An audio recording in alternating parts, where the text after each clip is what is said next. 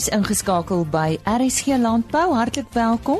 Uiteenlopende onderwerpe van bespreking vir oggend. Ons praat oor die saadwespe wat olywe tuister. Henny Maas het by die Artebel SA Kongres met Yuri Welman gesels 'n toekomsblik op die wêreld en die ekonomie. Nog 'n bydrae vanaf die nasionale jeugskou wat op Bathurst plaasgevind het. Ons praat met die eerste swart beoordelaar van die suiwel afdeling. En as jy raad soek oor suksesvolle grondhervorming op jou plaas, bly ingeskakel. Ons praat aan die einde van vandag se program met Elton Grieve van Agri Dev. Olyfsaadwespe is redelik onlangs in aangeplante olywe in die Wes-Kaap ontdek. Nou Dr Eleonora Olsop van die Landbou Navorsingsraad in Stellenbosch is tans besig met navorsing in samewerking met 'n professor van Italië om vas te stel watter saadwespes aangeplante olywe aanval. Nou 'n dokter Olsop kuier by ons vandag om vir ons meer hiervan te vertel. Uh ja, goeiemôre uh, dokter, hoe oud is die olyfbedryf in Suid-Afrika? Kommersiële olyfproduksie het in 1925 ongeveer begin toe Fernando Costa die eerste olywe op sy plaas hier by die Parel geplant het. In 1935, uh, ekskuus, het hy die eerste oliepers op sy plaas geïnstalleer en hy word dus beskou as die vader van die olyfbedryf in Suid-Afrika. Dit was egter eers hier in die jare 70 wat 'n grootskaalse uitbreiding van die olyfbedryf in Suid-Afrika begin het. Wat is olyfsaad wespes en waar kom hulle vandaan? Olyfsaadwespe is baie klein wespe. Nou wespe is verwant aan perdebye en eh, dit hulle bring die grootste deel van hulle lewensiklus binne in die olyfsaad deur. Dit is inheemse wespe wat eintlik op wilde olywe voorkom, maar daar is onlangs gevind dat hulle ook van die aangeplante olywe aanval. Maar wat weet ons van olyfsaadwespes? Omdat hierdie insekte inheems aan Suider-Afrika is en dis nie in die tradisionele olyfproduserende lande rondom die Middellandse See en in die Midde-Ooste voorkom nie, weet ons bitter min van hulle eh, buiten hulle naam, want daar is natuurlik nog in die verlede geen werk op hulle gedoen nie. Hoe gaan hulle te werk om olywe te besmet?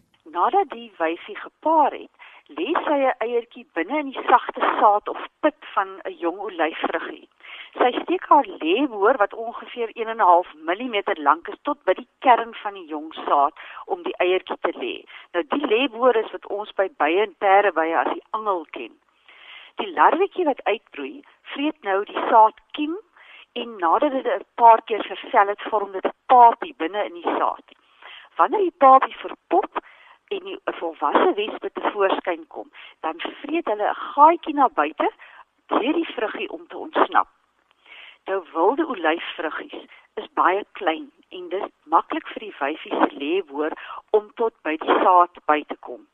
Maar aangeplante olywe se vleis of pulp is mos heelwat dikker en dit beteken dat die olyfsaadwespe wyfie slegs 'n eier in 'n aangeplante olyf kan lê indien die vleis van die vrug nog nie te dik is nie en die saadheid nog nie verhard het nie. En olyfsaadbesmetting by ons aangeplante olywe is dis afhanklik van 'n fyn sinkronisasie. Dis nie verskyning van die volwasse wespe in die lente en die ontwikkelingsstadium van die olyf.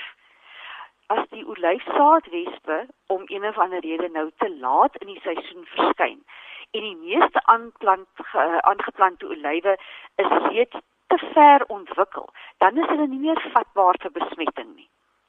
Uh olywe wat ons as tafelolywe bemark, word uh, meestal met uh, geteel om 'n redelike dik vleis of pulp te hê en hierdie olywe is sommer vroeg in die seisoen alreeds te groot voordat die olyfsaadwespetjies hulle eiers daarin kan lê. So op die oomblik vind ons dat meeste besmetting voorkom by die kleiner tipe olywe wat vir olieproduksie aangeplant word. Maar wat gebeur met olywe wat besmet is? Baie van die besmette olywe bly in die boom hang selfs as die volwasse wespetjie al uitgekom het. Baie van die ander val egter af van die boom sodra die saadkiem heeltemal vernietig is. Nou olywe wat voor oes afgespeen word, uh, beteken natuurlik 'n direkte verlies in opbrengs vir die produsent. Die wat aan die boom bly hang, kan nog wel vir olieproduksie gebruik word, maar dis natuurlik nie moeilik moontlik om hulle vir tafelgebruik te gebruik nie. Wat is die doel van julle navorsing aan die einde van die dag? Ons navorsing tans is om te bepaal watter van die olyfsaadwespe spesies wat op wille olywe voorkom, val die aangeplante olywe aan. En dit is die belangrike fokus is eintlik om te bepaal of hierdie uh, olyfsaadwespe werklik ekonomiese skade aanrig.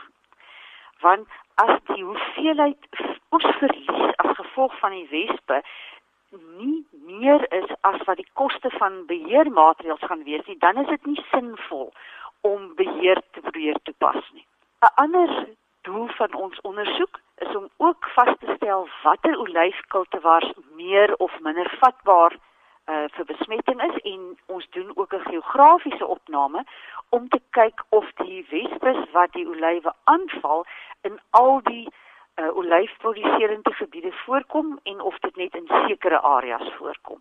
'n Ander voordeel wat ons uh, met ons navorsing het is dat ons vir professor uh, Virgilio Caleca en vir Dr. Giacaloni van Palermo Universiteit in Italië kon betrek by ons navorsing want hulle is ook die mense wat tydens 'n vorige studie in Suid-Afrika die olyfsaadwespe in aangeplante olywe gevind het. Nou professor Kaleka is 'n kenner van taksonomie uh, van die groep wespe waaronder ons saadwespe val. En dan in samewerking met hom en ook met professor Barbara van Ash by die genetika departement by Stellenbosch Universiteit is ons besig om 'n molekulêre metode te ontwikkel. Dit is nou een wat op DNA gebaseer is om onvolwasse stadia van die olyfsaadwespe spesies in die olywe te kan identifiseer want dit is natuurlik uh, uh, nie moontlik om op morfologie alleen die uh, onvolwasse stadiums te identifiseer nie. So dit is vir ons eintlik 'n baie lekker uh, ding van die projek dat ons ook samewerking van ander navorsers kon bekom om vinniger by 'n antwoord uit te kom. Ek het daar gesels met Dr Eleonora Olsop van die Landbou Navorsingsraad en het haar e-posadres. Dit is olsop a l l s o p en dan 'n e vir haar naam. olsop e by arc.agric.za.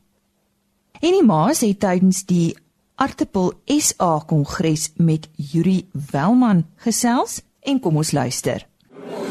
Ons praat met uh, Yuri Welman van Chep. En uh, ons praat met hom na aanleiding van sy toespraak by Artipel Suid-Afrika se Kongres. Jy jy het baie klem gelê op die feit dat uh, dat 'n mens jou uh, kliënte moet waardeer en dat jy uh, baie aandag aan hulle moet gee. Ja, korrek. Uh, ons het 'n besigheid omdat ons kliënte het. Maar ons kliënte se behoeftes bly heeltyd verander. En dit is hoekom ons naby aan ons kliënte moet kom. Uh, ek verwys altyd aan ons organisasie daarna. Ons moet ons moet ons kliënte kan voel. Ons moet met hulle dans. Want jy moet kan leer om te verstaan waartoe hulle gaan sodat jy hulle kan help om daai pad beter te kan loop. Jy jy het ook aandag gegee aan hoe die wêreld sê oor die volgende 30 jaar gaan verander. Ja, ek dink 30 jaar is 'n baie lang tyd. Ek dink ons kan dit maar korter maak na die volgende 5 jaar. Gaan my gevoel is dat die wêreld soos ons hom nou ken, gaan oor 5 jaar wesentlik anders lyk. Like. As mense net kyk na uh outomatiese uh voertuie wat hulle self gaan bestuur en wat die uh, impak daarvan op ons ons uh organisasies gaan wees. Goed soos uh uh 3D uh printers.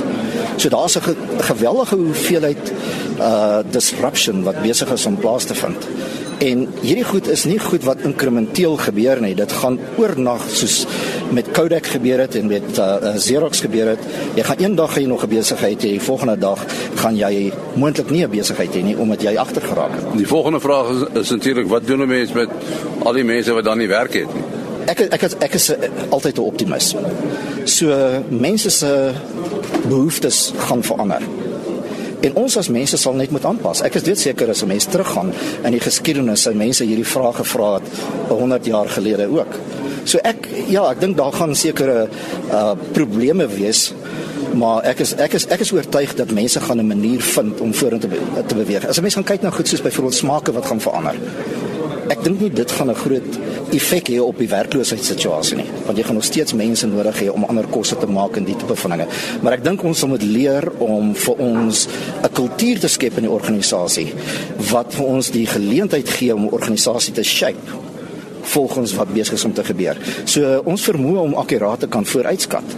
Ek dink dit gaan so goed wees nie. Ons moet eerder belê in die regte mense in die organisasie met die regte vaardighede sodat ons dan aan die einde van die dag saam met die mark kan beweeg en relevant bly.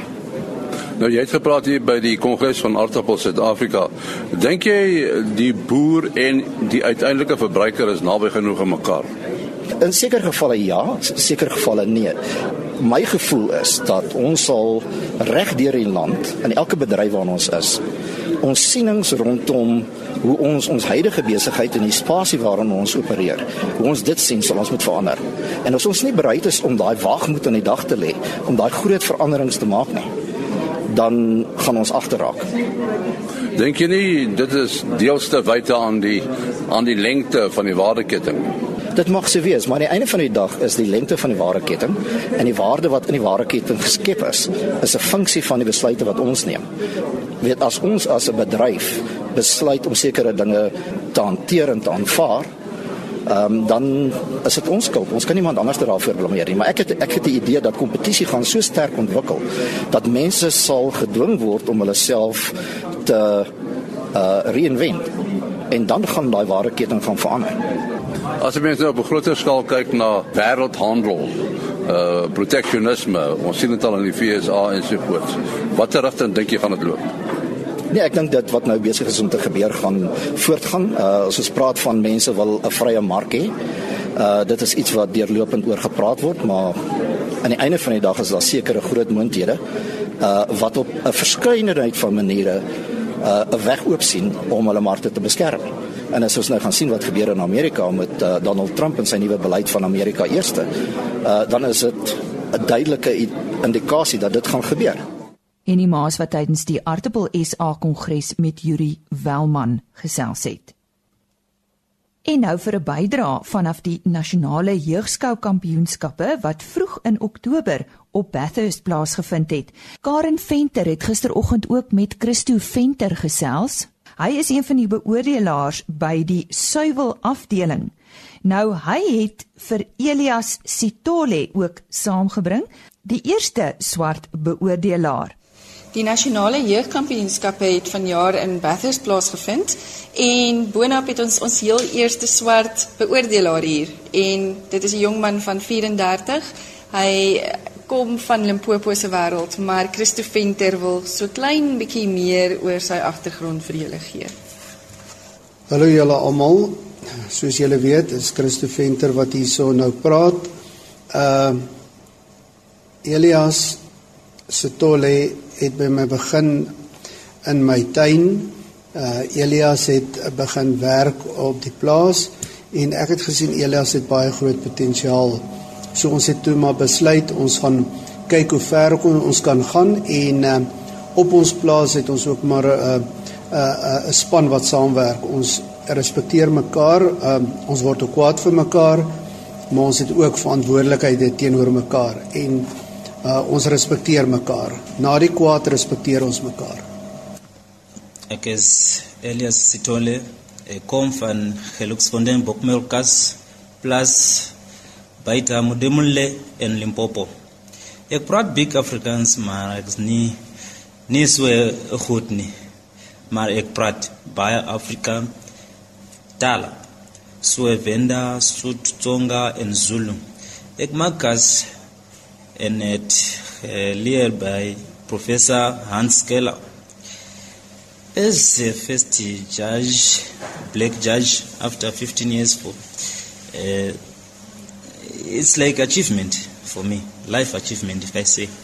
Yes, as I always work with people who want to learn, it wasn't that hard to me to judge here at that at the National Youth Championship in Bathurst. My first also to be in an aeroplane aged 34. Yes, Thanks a lot to Eastern Cape National Youth Championship in Agriculture. Ons was 'n goeie span saam uh, be, uh, beoordelaars. Ons het um, die suiwel afdeling beoordeel. Uh, ons het mekaar aangevul. Uh, ons het mekaar nie beïnvloed nie. As ek probeer het, het Elias op my kop gespring, so ek het stil gebly en ek het dit dan nou verander. Yeah, I, I, I, like the potential of that junior junior of mine. Number one, if I have to judge myself and give the uh, the trophy, I could have already given the trophy to her. Was my junior junior number one? Like her, like the potential. Yes. Luisteraars net om jou af te sluit. Ehm um, ons uh, het geleer uh, op ons plaas dat uh, ons almal is in 'n bestuursposisie. Uh, ons bots nie baie nie. Ons daar is verskille, maar uh, ons respekteer mekaar soos ek julle reeds gesê het. Dit is vir my baie lekker om saam met Elias te werk. Dit is baie lekker om saam met my mense te werk. Uh, Hy's uh, regtig uh, opkomende kaasmaker en 'n 'n 'n nice persoon om mee te werk. Dankie vir Veeplaas uh vir die geleentheid en ek hoop uh in die toekoms werk ons weer lekker saam. Ek en Elias glo ons is 'n goeie span en ons het ons verskille, maar ons respekteer mekaar. Dankie. Yes, thanks a lot to Christo for the opportunity and believing in, in me when we are making the cheeses.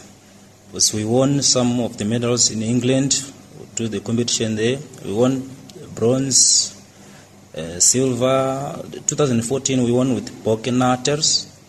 Yeah, cheese from Helix Fontaine. If you want to enjoy the cheese, we can drive again or fly to Limpopo. Helix Fontaine, Got Milk Cheese Farm. We will be waiting for you. So, ja, dankie vir V Plus, vir die gesels. Baie dankie. Baie dankie aan Karen Venter. Dit was dan Christo Venter en Elias Sitole wat oor hulle werk as beoordelaars by die nasionale jeugkampioenskappe gesels het. Baie boere wil graag betrokke raak by grondhervormingsprojekte, maar weet dalk nie waar om te begin nie. Nou ons gesels vandag met Elton Gree van AgriDev Consulting om meer uit te vind oor watter stappe geneem kan word om 'n grondhervormingsprojek op die been te bring. Elton, ja, wat is die eerste besluit wat gemaak moet word indien jy betrokke wil word by grondhervorming? Goeiemôre en goeiemôre aan die luisteraars. Uh die eerste ding wat 'n boer moet in ag neem is uh Die staat het 'n paar grondhervormingsprogramme. En die twee belangrikste is is die gewone aankoop en dan het jy die 50-50 waar die voedselskap doen. So die eerste besluit wat 'n boer moet doen is of hy sy plaas vir uh, voedselstoot wil verkoop soos dit is aan die staat en hy wil nie verder betrokke wees nie of wil hy dan die opsie gaan waar hy 'n gedeelte of sy plaas verkoop aan die staat en dan 'n 50-50 uh, vennootskap doen met plaaswerkers of 'n swart vennoot in terme van 'n bemagtigingsprojek. Nou indien 'n boer 'n grondhervormingsprojek wil loods, waar begin hy? Die mees belangrikste punt om om te begin is om vas te stel wat se prys die boer wil hê. En ek sou voorstel dat 'n uh, boer 'n uh, waardasie op sy plaas laat doen. Dit gee dan vir hom 'n indikasie wat sy plaas werd is. Hy kan dan besluit in terme daarvan wat se prys hy aan die staat wil gee uh, die boer moet dan kontak maak met die departement of op 'n nasionale vlak op 'n provinsiale vlak en dan die plaas dan aan aan aan die plaas aan die departement ehm um, offer en sê hier's my plaas ek wil my plaas verkoop in terme van die twee programme wat ek vroeër genoem het. Wat is die eerste stappe om 'n grondhervormingsprojek byvoorbeeld te loods in samewerking met die staat?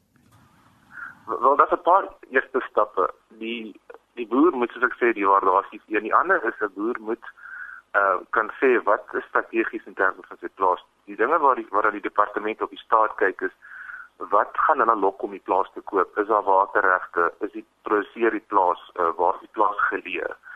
Is daar markte? Is daar toegang tot markte?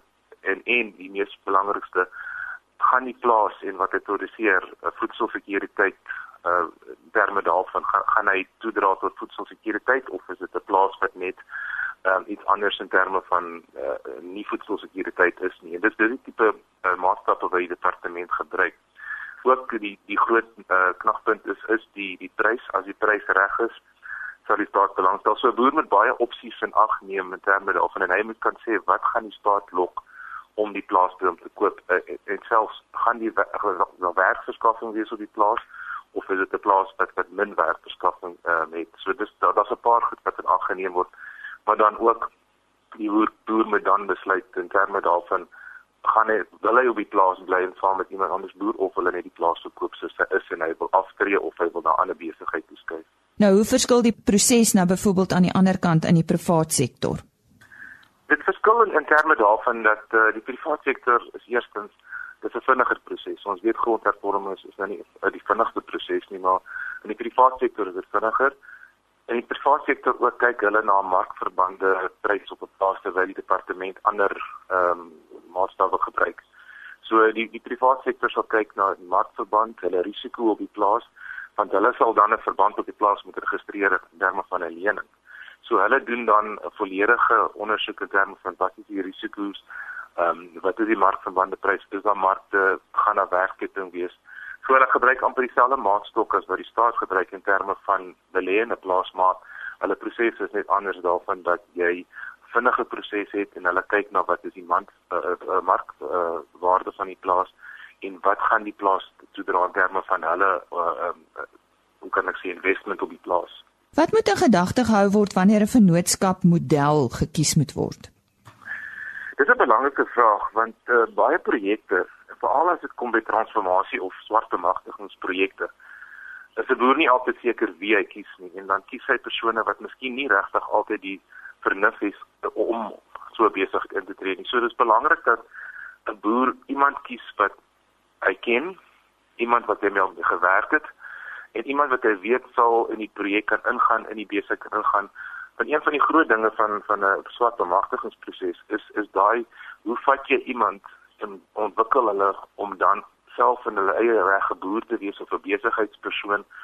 So daai persoon moet met of persone moet gekies word in so 'n sin dat die boer weet is mense wat saam met hom kan boer of iemand wat saam in besigheid kan gaan met hom baie kere sal 'n boer iemand kies want dit is 'n vriend wat hy nou ontmoet het en dan wil hulle 'n vennootskap gaan die persoon verstaan nie miskien boerdery nie of verstaan nie hoe besigheid op 'n plaas uh, gedoen word nie en dan oor 'n jaar, twee jaar se tyd werk die projek nie meer. So dis baie belangrik dat hy kies met wie hy en hy dan vennootskap gaan, maar ook die model waarin hy dan gaan. So dit dit is nie net 'n punt daarvan dat ek gaan 'n swart bemagtigingspersoon kies en dan gaan ek in 'n in 'n proses ingaan nie dan moet 'n regte model wees, dan moet regte besluite kan geneem word. Dan moet duidelikheid wees in terme van wie doen wat sodat hulle mekaar se tone trap. So daai element van die regte persoon en die regte model kies is baie belangrik. Watter ander faktore kan jy vir ons noem wat kan verseker dat dit 'n suksesvolle projek is? Vir my die mees belangrikste is om seker te maak dat almal in die projek weet wat hulle wil doen. Van aan ander woorde, as jy 'n 50-50 vennootskap ingaan, moet Jan en Sarah presies weet wie doen wat. Dis baie belangrik. Anders gaan jy 'n operasie by plaas het wat albei dieselfde ding doen en niemand weet wie doen wat nie. So daai element is baie belangrik, maar die tweede element is ook belangrik. Dit daarvan is om te sê hoe gaan ons mense vat wat miskien nie die vaardighede het om te boer nie en 'n program in plek stel om my vaardighede te verbeter en daai persoon dan weer in die besigheid te kan verbeter. So daai vaardighede en daai opbou van daai vaardighede is ook baie belangrik. Baie kere sal daar net 'n 50-50 of 'n swart bemagtigingsprojek wees, maar daar's geen element van hoe om hierdie mense te verbeter in terme van uh, skills development of of programme om my persoon 'n beter boer of besigheidspersoon te maak. Kan jy vir ons 'n voorbeeld gee van 'n vennootskap uh, grondhervormingsprojek waarby waarby jy nou byvoorbeeld betrokke was? Ja, ek kan kyk ek was vir 20 jaar in die staatsdiens, so daar was baie wat ek gedoen het en ek het vroeër hierdie jaar bedank in in die private sektor ingegaan. So daar was baie maar net 'n paar wat ek nou mee besig is. Ons het meneer Eddie Prinsloo in in die Vrystaat. Hy's 'n marine boer. Hy's besig met 'n 50-50 met sy werkers. Ehm um, dis nogal 'n goeie projek waar werkers nou in 'n marine stoetboerdery ingaan. Hulle gaan gedeelte van die besigheid wees met hom. Dan is ek ook betrokke in die Oudtshoorn distrik waar ons met 'n 'n boer 50-50 doen. Hulle is in die saadbedryf en ons is besig daar met 'n 50-50. Ek is ook dan uh, saam besig met meneer Jan Vosloo hy is in die wild en die jagsbedryf. Ons kyk daar na uh, twee opsies, een is die wild en die ander is die jag waar ons kyk na uh 50-50 en hoe mense in, in swart uh uh bemagtigingsvernootskappe in te bring in daai daai uh, industrie. So daar's 'n paar waarmee ons besig is en en en dit dit werk nogal goed. Die groot belangrike ding is is om inligting. Baie boere wil graag hierdie goed doen, maar hulle weet nie hoe nie, waar nie en om daai inligting uit te kry is baie belangrik sodat daar beter opsies vir 'n boer is. Hy verstaan die opsies beter en dink die groot probleem met grondhervorming is daar is net nie genoeg inligting daar vir boere om te sê hoe om dinge te doen en dan kan hulle 'n beter besluit neem in terme van wat hulle wil doen. So ons probeer daai gap vul om om meer inligting uit te kry. Die sosio-ekonomiese effek van so 'n vennootskap, hoe word dit bereken? Ja, kyk, dis 'n belangrike een van elke plaas het sy eie sosio-ekonomiese probleme of uh, hoe kan ek sê challenges is in die Engels. Wat belangrik is is om elke plaas as 'n eenheid op sy eie te vat. Daar is nie 'n one size fits all nie. So die eerste stap is om te gaan en te gaan kyk na die plaas, gaan kyk wie sou die plaas, die plaaswerkers het hulle behuising, is daar water, uh, is daar uh, kos, het hulle toegang tot uh, klinieke, sulke goed is daar skole.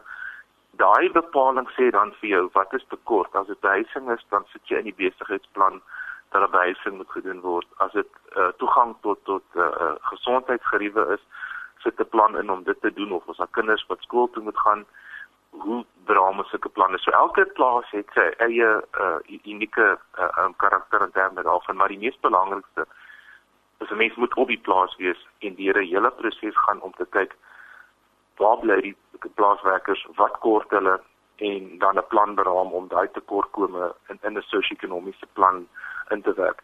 Die ander gedeelte daarvan soos ek vroeër genoem het is 'n baie belangrike gedeelte van 'n sosio-ekonomiese plan is om 'n profiel te doen in terme van wat is die vaardighede van die werkers. Het hulle uh, basiese education nodig of, of het hulle ontwikkeling nodig in sekere aspekte van die besigheid? So dit is ook 'n belangrike element van daai sosio-ekonomiese plan. Goed Elton, hoekom is grondhervorming so belangrik in Suid-Afrika?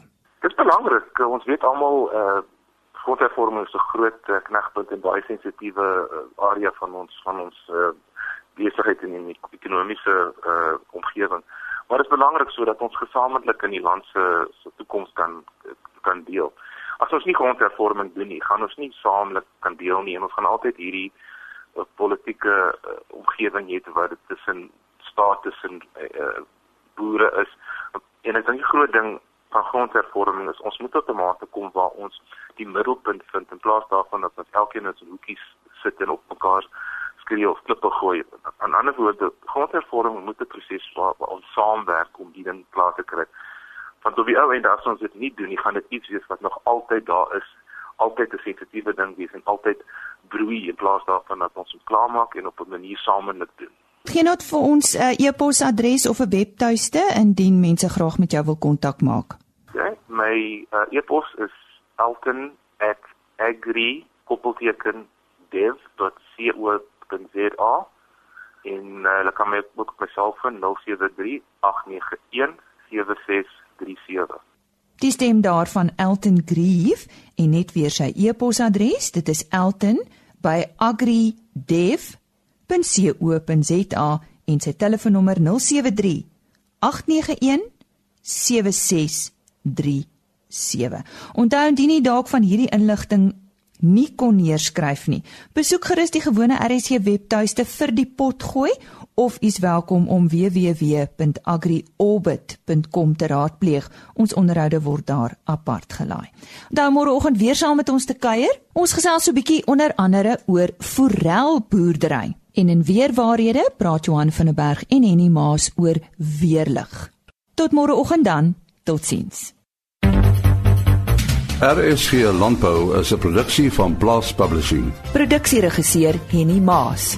Aanbieding Lisa Roberts en 'n notas koördineerder Jolande Rooi.